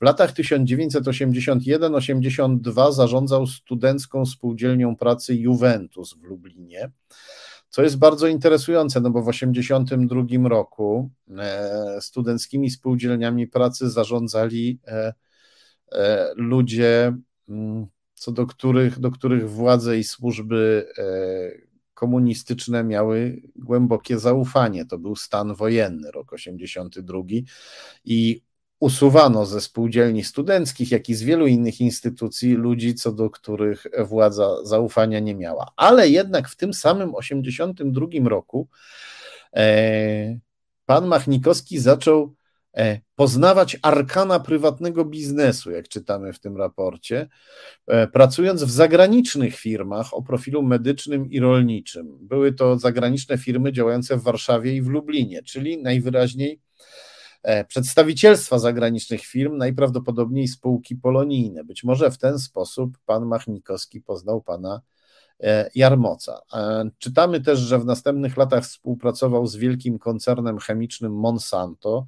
Koncern Monsanto jest oskarżany o bardzo szkodliwe praktyki, o uzależnianie E, rolników od swoich produktów, od e, genetycznie zmodyfikowanych roślin i od e, środków chwastobójczych. Uzależnianie rolników polega tutaj na tym, że no, jeśli rolnik nie chce słono płacić koncernowi Monsanto za jego środki chwastobójcze, to nie jest już w stanie uprawiać swojego pola, bo ma już rośliny genetycznie zmodyfikowane, które tylko e, które są w stanie funkcjonować, które dobrze rosną tylko przy zastosowaniu tego środka chwastobójczego. E, e, Monsanto było też oskarżane o to, że pozywa o kradzież dóbr intelektualnych rolników, na których polach przypadkiem wysiały się rośliny genetycznie zmodyfikowane przez firmę Monsanto, ponieważ wiatr przyniósł nasiona. E, koncern Monsanto to wielki temat, można by na ten temat długo mówić. Ja o tym tutaj tylko wspominam, żeby nam tutaj to lepiej e, pokazało sylwetkę kolejnego wspólnika pani Adrianny Sikorskiej. W gazecie wyborczej z 2006 roku znajdujemy też listę kandydatów w wyborach parlamentarnych z okręgu wyborczego na Lubelszczyźnie, w którym mieścił się Kraśnik. I na tej liście kandydatów znajdujemy również, poproszę o kolejny skan, pana Andrzeja Machnikowskiego jako kandydata antyzachodniej partii Liga Polskich Rodzin, partii, która sprzeciwiała się wejściu Polski do Unii Europejskiej, sprzeciwiała się uczestnictwu Polski w działaniach, w działaniach NATO. Oczywiście pana Machnikowskiego sprawdziłem również w w Instytucie Pamięci Narodowej. Poproszę o kolejny skan. I co się okazało? Okazało się, że Andrzej Machnikowski, zanim trafił do ultrakatolickiej i rozmodlonej Ligi Polskich Rodzin, był członkiem ORMO, czyli komunistycznej służby mającej stanowić wsparcie dla milicji obywatelskiej, czyli komunistycznej policji, dla służby, której członkowie pełnili rolę komunistycznych bojówek bijących e, ludzi walczących wówczas o demokrację, protestujących na ulicach. Członkowie ORMO, tak zwani ormowcy, również patrolowali ulice, szpiegowali, szpiclowali sąsiadów, donosili na kolegów z pracy, no mieli taki specyficzny e, status i taki specyficzny i taki specyficzny e, etos. I tak tutaj to tak wygląda tak, tak wygląda ta sytuacja. Jest sobie pani Adrianna Sikorska, która jest policjantką, a dziwnym trafem w tych samych latach jest prezeską prywatnej spółki razem z człowiekiem, który jest oskarżany na świecie o to, że jest hochsztaplerem i aferzystą, oraz z człowiekiem, który był komunistycznym bojówkarzem, a potem został antyzachodnim, e, antyzachodnim politykiem. I ta pani Adrianna Sikorska, gdy tylko powstaje CBA, trafia pod skrzydła założyciela CBA Mariusza Kamińskiego, razem z nim to CBA tworzy. Potem sobie pani Sikorska przechodzi do Orlenu pod skrzydła e, superaferzysty, jakim jest Daniel Obajtek. On ją e, wprowadza do energii, do firmy Energesa i tam pod swoje skrzydła pani Sikorska bierze Tomasza Skłodowskiego człowieka, który był rzecznikiem pisowskiego MSW za pierwszych rządów PiS i człowieka, który obsypał pieniędzmi ważnego świadka w aferze e, węglowej, w aferze taśmowej Marcina W. Po tym, jak Skłodowski to zrobił, pan Marcin e, W e, zaczął oczerniać Donalda Tuska.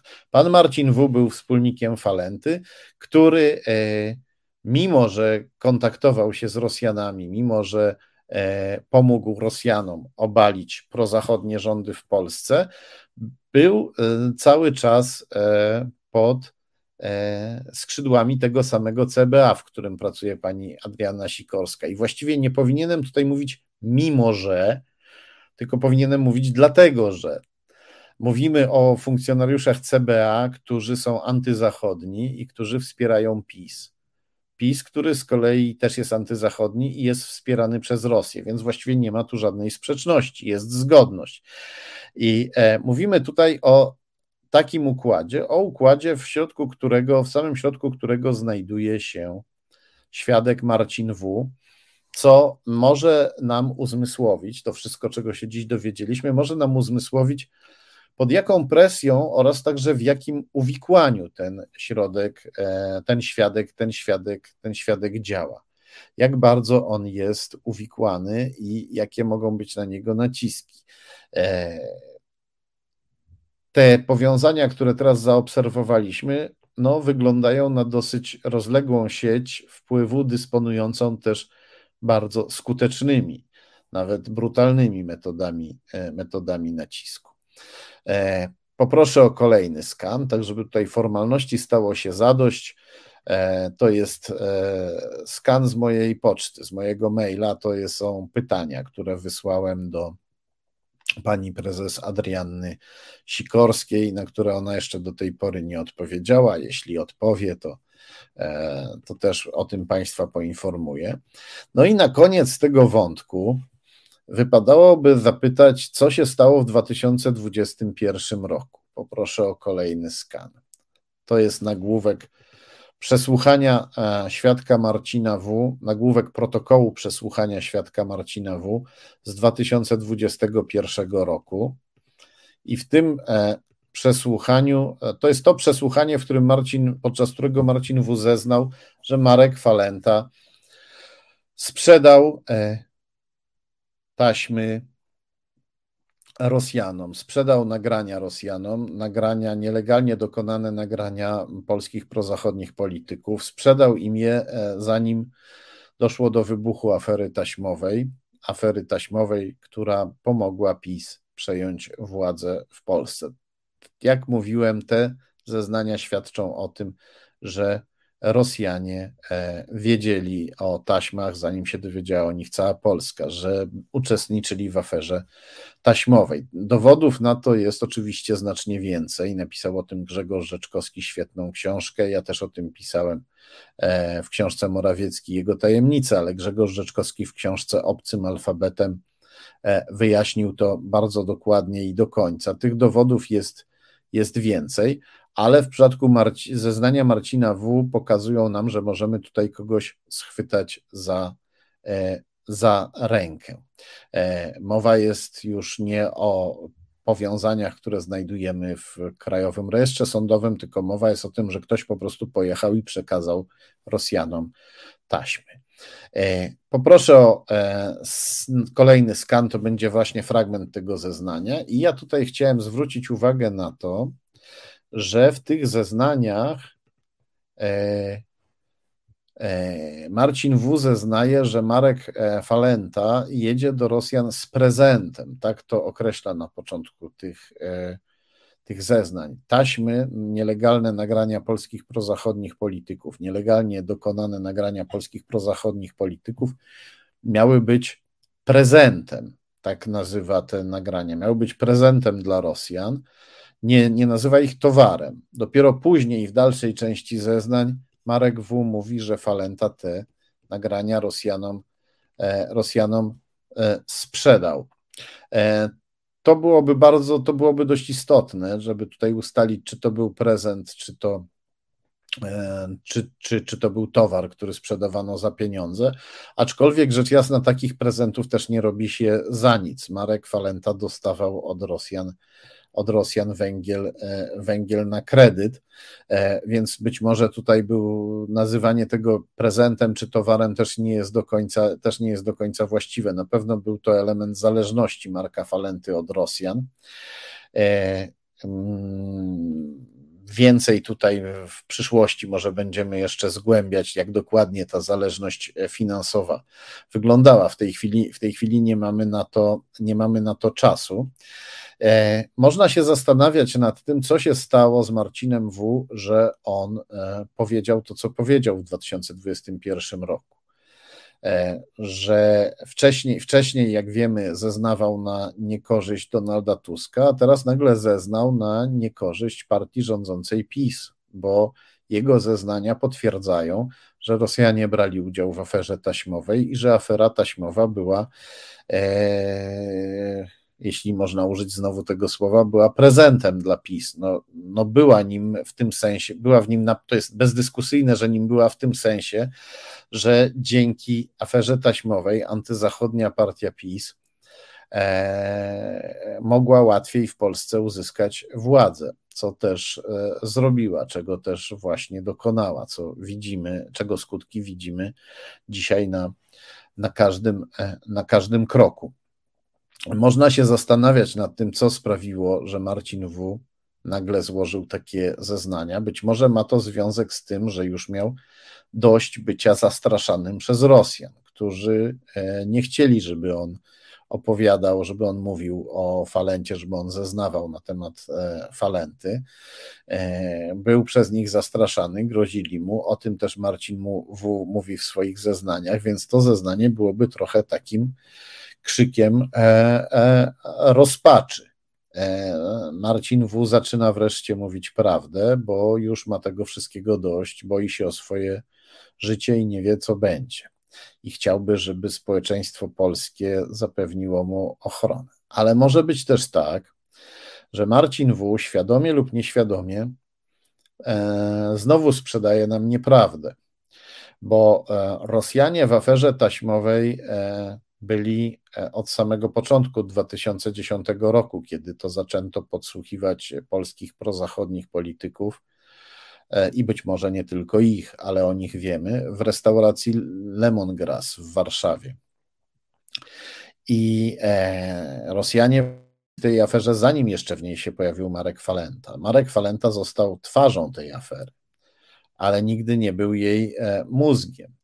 I e, jego rola przede wszystkim była rolą kozła ofiarnego. Wmówiono mu, że dokona czegoś wielkiego, jeśli przekaże e, nagrania e, polityków Platformy Obywatelskiej, mediom i kierownictwu antyzachodniej partii PiS. I on się w tej aferze odegrał taką rolę i w ten sposób przesłonił sobą prawdziwych organizatorów tej afery. Jest bardzo możliwe, że Rosjanie mieli te nagrania, zanim jeszcze Falenta im je dał. E, być może zaaranżowano to, że Falenta jedzie do Rosji i przekazuje te nagrania Rosjanom. Rosjanie to udokumentowali, sfilmowali, po to, żebyśmy myśleli, że Falenta jest tutaj mózgiem, jest głównym łącznikiem między Rosją a aferą taśmową. Tymczasem Falenta wszystko wskazuje na to, że Falenta jest tu frontmanem, jest tak zwanym fałszywym łącznikiem, za pomocą którego ukrywa się prawdziwego łącznika, za pomocą którego e, ukrywa się prawdziwego koordynatora akcji działającego między e, Rosją a e, między Rosją a Polską. Kto e, czyta książki wydawnictwa Arbitror, no może typować takich koordynatorów. Tam jest kilka postaci, tam jest kilku wpływowych miliarderów działających między Polską a Rosją, miliarderów i milionerów, e, którzy mogli taką rolę odegrać, ale może też chodzić o kogoś innego, o kogoś, o kim jeszcze nie wiemy, bo pochłania nas, e, pochłania nas Marek Falenta. To, co mówię, może się tutaj wydawać pewną komplikacją, prawda? No pojechał, przekazał nagrania, po co szukać jeszcze jednego łącznika, ale musimy pamiętać, że służby specjalne ciągle tworzą różne kamuflaże i nawet tam muszą się liczyć z dekonspiracją. Rosjanie na pewno się liczyli z tym, że zostaną w końcu zdemaskowani jako organizatorzy afery taśmowej w Polsce. I nawet tam, gdzie liczą się ze zdemaskowaniem, tworzą kolejne piętrowe warstwy masek po to, żeby jak najbardziej utrudnić nam, e, e, nam zdemaskowanie.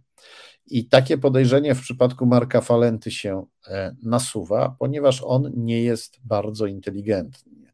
On wierzył, że przekazując nielegalne nagrania e, e, dokonane przez osoby związane z Rosją, on wierzył, że przekazując te rosyjskie taśmy, tak to nazwijmy, te nagrania, które uderzyły w prozachodni rząd PO, on wierzył, że przekazując te nagrania par- antyzachodniej partii PiS i, e, i mediom, osiągnie wielki życiowy sukces, zostanie premierem, kimś w rodzaju premiera, no, opowiadał o tym między innymi kelnerom z tych podsłuchowych restauracji, że zostanie premierem i zrobi ich ministrami. Ci kelnerzy byli chyba mądrzejsi, tym bardziej, że to byli nie do końca kelnerzy, to byli menedżerzy tych restauracji. No, ale prawdopodobnie pozwalali mu e, e, łudzić się i tkwić w tych e, marzeniach.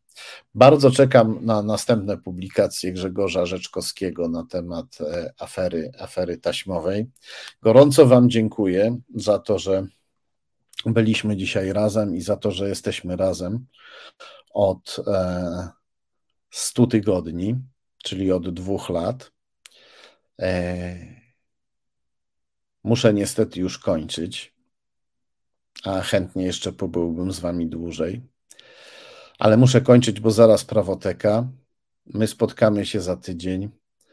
Pozdrawiam Was ogromnie, bardzo serdecznie i przypominam o tym, żeby nas wspierać poprzez wpłaty e, na nasze konto w serwisie zrzutka.pl i przede wszystkim w serwisie Patronite, gdzie można e, dokonywać wpłat e, stałych, gdzie można zlecić wpłaty stałe parę groszy co miesiąc to więcej niż e, jedna duża suma jednorazowo. Gorąco dziękuję każdemu, kto nas wspiera. Bardzo serdecznie Was pozdrawiam. Pozdrawiam Panią e, Milenę, która jest naszym dzisiejszym producentem wykonawczym. Dziękuję bardzo naszemu producentowi Marcinowi. Mam nadzieję, że małe zawirowanie z jednym ze skanów na początku tego programu nie przeszkodziło Państwu w oglądaniu. Ja po prostu tego skanu nie widziałem, chociaż Państwo prawdopodobnie go widzieli. Była taka mała, mała dziwna usterka techniczna się pojawiła. No ale czym byłaby jubileuszowa audycja bez małej usterki technicznej? Gorąco pozdrawiam. Widzimy się za tydzień. Za chwilę prawoteka e, i do zobaczenia.